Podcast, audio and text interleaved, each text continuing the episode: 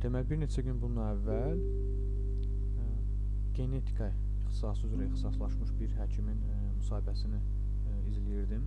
Ə, və həkim burada ə, genetika bağlı faktlarla ə, bu sahənin inkişafı ilə bağlı ə, deməli ə, çox maraqlı çıxışlar edirdi və həmçinin iş prosesində, iş zamanı ə, qarşılaşdığı maraqlı faktları da həmçinin bölüşürdü ə, və burada mənim diqqətimi ə, cəlb eləyən və belə deyək, məni düşünməyə vadar eləyən ə, bir fakt var idi. Belə ki, ə, həkimin yanına bir xanım pasiyent gəlir və bu xanım evli imiş, amma uşaqları olmurmuş və bu hər hansı bir yolla öyrənib ki, demək, genetika testi verməklə bunun ə, nəslində bundan öncə də belə bir ə, halın yaşandığını ə, və o ümumiyyətlə bunun genetik bir problem olduğunu araşdıra biləcəyini və buna uyğun müalicə oluna biləcəyini söyləyib və xanım da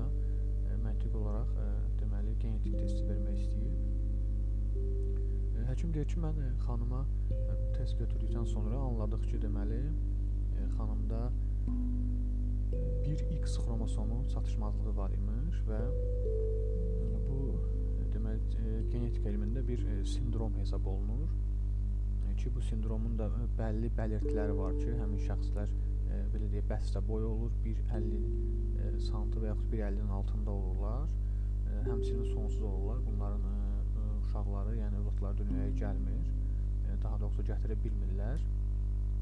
E, və həkim deyir ki, mən bunu e, bölüşmək üçün e, öncəliklə e, xanımın qaynanasına deyil də onun öz e, anasına e, öncəliklə bu faktı məlumatı vermək istədim və xanıma təklif edirəm ki, e, nəticələri əldə etmək üçün ananızla birlikdə gəlin. E, və xanım da e, deməli bunu öyrəndikdən sonra anası ilə birlikdə həkimin yanına gedir. E, həkim bunlara izah edir ki, bəs e, bu deməli nadir rast gəlinən sindromlardan biridir. Hansı ki, bəlirtiləri bunlar və bunlardır və e, ən əsas göstəricilərindən biri də e, deməli e, sonsuzluqdur. Təbii ki, həkim düşünüb ki, bu faktın özlüyü, yəni bu sindromun olması ailəni təəccübləndirəcək və bu tip dünyası üçün də belə deyək, yəni bu proseslər Azərbaycanda baş verir və bu tip dünyası üçün də bir araşdırma mövzusu ola bilər. Bu sahədə həkim özü də maraqlı olub deyə hər hansı bir inkişaf yolu çizə bilərlər, müalicə metodları tətbiq edə bilərlər. Amma anası ilə birlikdə gələn xanımın ilk dediyi şey olub ki, bəs biz 20 minlik cehiz almışdıq, ərim məni boşayacaq. Bu özlüyündə bizə məsələləri nə qədər yanlış yanaşdığımızı deməyim də, nə qədər dayaz olduğumuzun bir göstəricisidir ki, qarşınızda böyük bir genetika elmi, onun vardığı bir nəticə, milyonda bir görünən bir sindrom, bundan çıxış yolu tapmaq, müalicə metodları düşünmək yerinə biz 20 minlik cehizimiz haqqında düşünürük. Təbii ki, çox acınacaqlı bir faktdır, acınacaqlı bir hadisədir. Və bundan yola çıxaraq mən əslində yaşadığımız cəmiyyətdə buna bənzər nə qədər problemlərin olduğunu görürəm ki, hər zaman bu problemlərin yaranma səbəbi bizim yanaşma şəklimiz olur. Məsələn, bu yaxınlarda mən e, deməli öz yaxınlarımla bir məsələni müzakirə edirdik. E, belə ki, bizim rayonda və ümumən mən düşünürəm ki, bütün Azərbaycanın əksər rayonlarında e, evlərin hasarlanması deyə bir məsələ var. Və biz e, öz yaxın qohumumuzla demək olar ki, eyni e, bağçanı bölüşürük və arada bir hasar var. Amma bu hasar e, o qədər də hündür gəlməyib demək ki, nəyə görə gəlməyib, indi onu izah edəcəm. Və e, həmin evdə yaşayan e, yaxınlarım iddia edirlər ki, e, çöldən baxdıqda evin içi görsənir. E, buna görə bu hasarı e, 1-2 daşda, e, hətta 3-4 daşda daha e, yüksəyə qaldırmaq lazımdır. E, ki, evimizin içi görsənməsin. mən bunu ilk eşitdikdə, yəni bunu ilk dəfə idi eşidirdim deyə bilmərəm. Çünki bundan əvvəl də bir neçə dəfə insanların hasarlarını böyütdüklərini və evlərinin içini görünməməsini görünməməsi üçün nə qədər çabaladıqlarını görmüşəm. Çox ə, uzun illər əvvəl ə, bir ssenaristin deməli ə, müsahibəsini izləyirdim, hansı ki Almaniyada yaşayırdı mən düşünürəm ki, e, bu təkcə Almaniya xas olan bir şey deyil, amma mən bu fakta orada rast gəlmişdim. E, deməli, e, bu ssenarist yaşadığı ərazidə yaşadığı yaşadığı ərazidəki evləri göstərirdi və oradakı evlərin 90% tamamilə şüşədən ibarət idi. Yəni tam şəffaf şüşələrdən hansılar ki, sizin evinizin içi, yataq otağınız, hətta hamamınız, qonaq otağınız belə görünürdü və ssenarist dedi ki, bu evlər e, yəni şuurlu şəkildə bu formada inşa olunub ki, insanlar e, gizlənmək məcburiyyətində deyillər. E, yəni o çılpaqda gezə bilər. E, yəni bu onun evinin içidir. E, nə cür istəyirsə o cürdə hərəkət edə bilər və bunu e, insanların onu görməsi bunu heç bir halda narahat eləmir və e, insanlar da o evinin içində nə edir deyə e, ondan narahat deyirlər və ondan gileylənmirlər və ümumən bundan maraqlanmırlar. Təbii ki, bu sırf həmin bölgəyə xas bir şey deyil idi. Mən düşünürəm ki, Avropanın e, bir neçə bölgəsində bu tip e, evlər var. Bu hətta yəni tək fərdi ev də deyil idi. Bu bir bina formasında idi. Bina ümumən şəffaf şüşədən tikilmişdi və yaşayış binası idi. Ondan da daha əvvəl mən Gürcüstanda olarkən deməli bizi orada belə deyim, gəzdirən, dolaşdıran sürücü bizə çox böyük fəxrlə e, Gürcüstan ərazisində yerləşən polis bölmələrini göstərirdi. E, ki bu polis bölmələri tamamilə şəffaf e, şüşələrdən deməli inşa olunmuşdu. Və bunun da məqsədi o idi ki, e, polis bölməsində hər şey şəffaf şəkildə həyata keçirilir. Heç bir e, korrupsiya hadisəsi, vətəndaşların incildilməsi ilə bağlı heç bir fakt yoxdur və siz bunu e, çox rahatlıqla e, çöldən görə bilərsiniz bilərsiniz ki, həqiqətən bu içəridə heç bir qanunsuzluq, heç bir belə deyək, vətəndaşa yönəlik hər hansı bir neqativ hallar yaşanmır və şəffaf olması da onu göstərir ki, bu faktların heç biri burada yoxdur və siz bunu rahatlıqla çöldən görə bilərsiniz. Və bu hadisələri müqayisə etdikdə əslində cəmiyyət olaraq nə qədər geridə qaldığımızı və yanaşma və düşüncə tərzimizin nə qədər fərqli olduğunu görürük. Bu yanaşma şəklini daha böyük e, coğrafiyaya yayası olsaq, yəqin ki, çoxlarınızın e, məlumatı var ki, bu yaxında e, Amerikada deməli 57 yaşlı bir şəxsə donuz ürəyinin köçürülməsi əməliyyatı həyata keçirildi. Deməli bu tip əməliyyatlar ksenotransplantasiya adlanır. Bu sahədə köçürülmə yolu ilə insanlar həyatda qala bilirlər. Və donuz ürəyinin birbaşa insana köçürülməsi faktı bu tarixdə ilk dəfə idi ki, həyata keçirilirdi.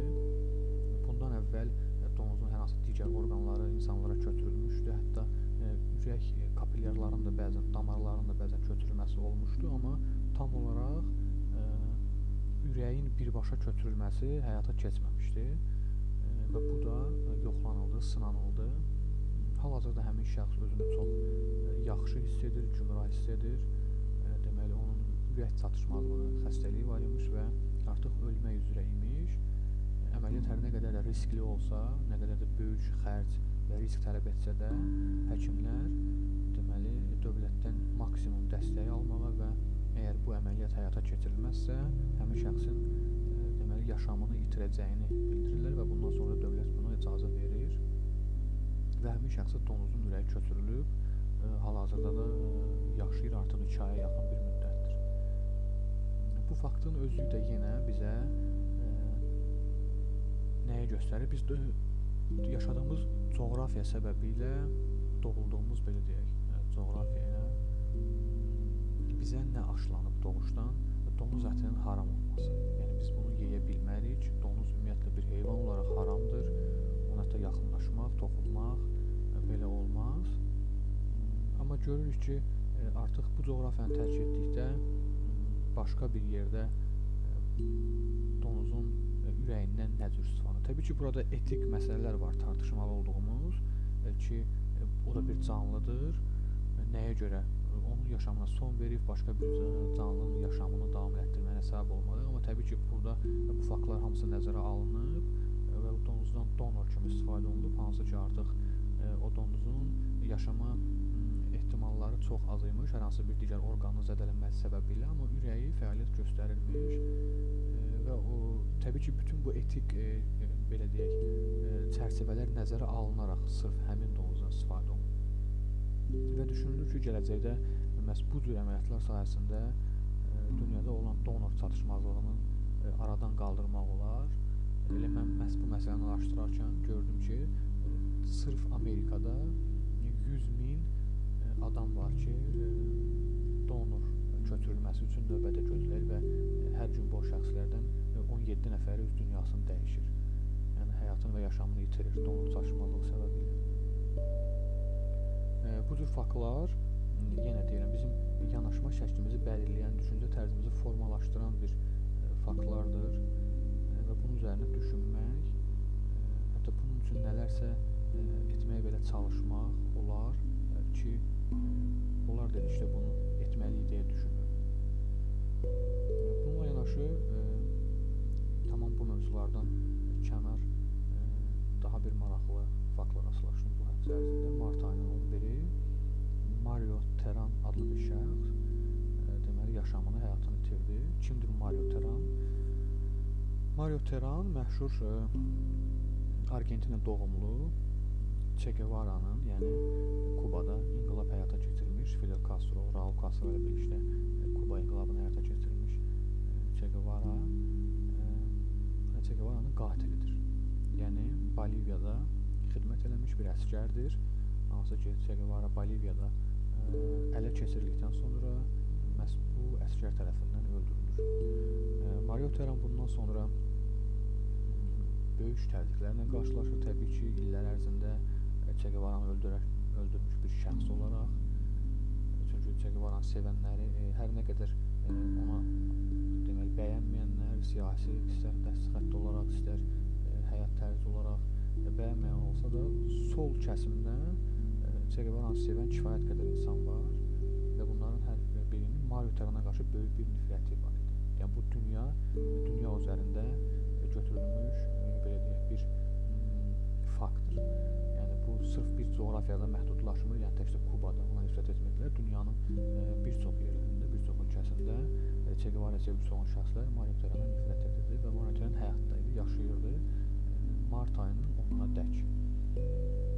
Və çox maraqlıdır ki, Mario Teranın gözündə bir problem belə deyək, meydana çıxır bir neçə il bundan əvvəl və o görmə qabiliyyətini itirmək həddinə gəlib çatır.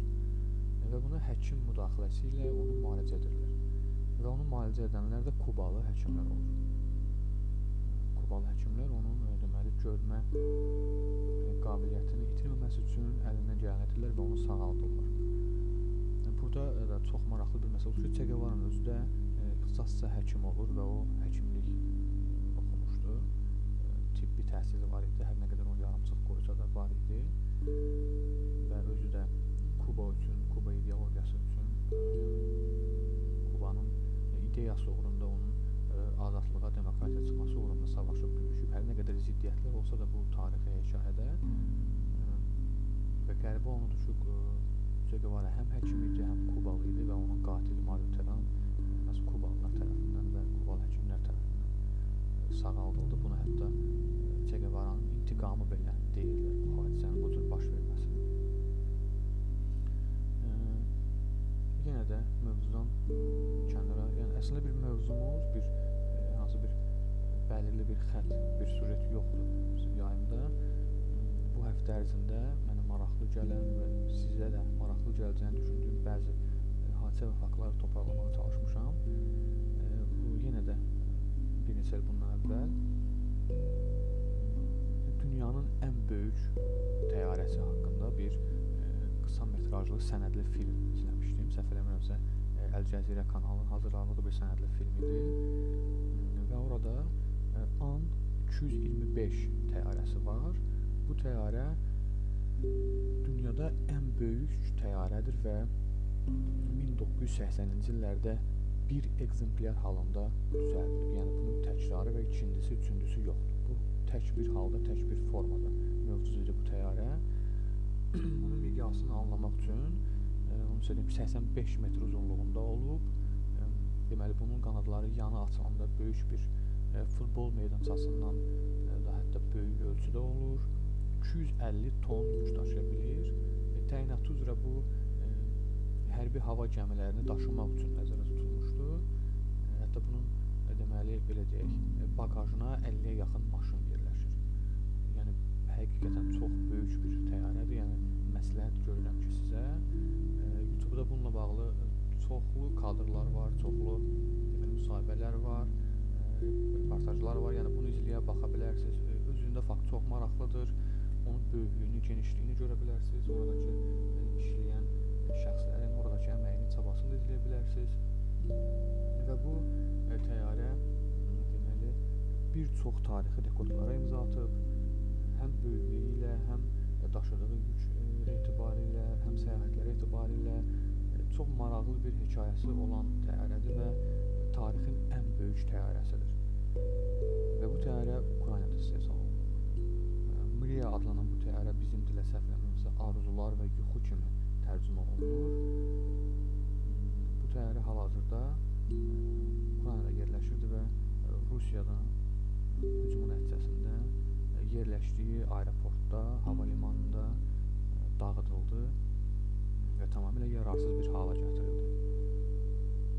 Bu fakt bütün bu təyyarəni e, belə deyək, hekayəsini və özünü sevən insanları e, sarsıdıb. Həqiqətən həmçinin mənə də çox pis təsir edib ki, mən uzun illər bundan əvvəl bu təyyarə haqqında izləmişdim, oxumuşdum, e, baxırdım və davamlı yeni məlumatlar əldə etməyə çalışırdım.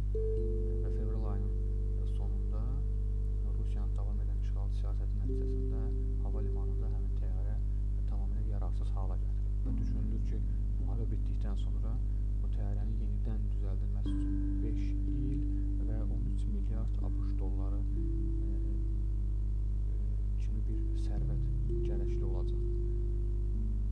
Burada əsas məsələ və toxunulmaq istədiyim mövzu e, bəzən arzu və istəklərimizin, e, bəzən bizə maraqlı gələn hekayələrin e, böyük belə deyək, dırnaqarası böyük şəxslər tərəfindən dağıdılması və yerlə yeksən olunması e, faktıdır e, və buna görə də hər zaman insanlarla münasibətdə, uşaqlarla münasibətdə ehtiyatlı olmaq lazımdır.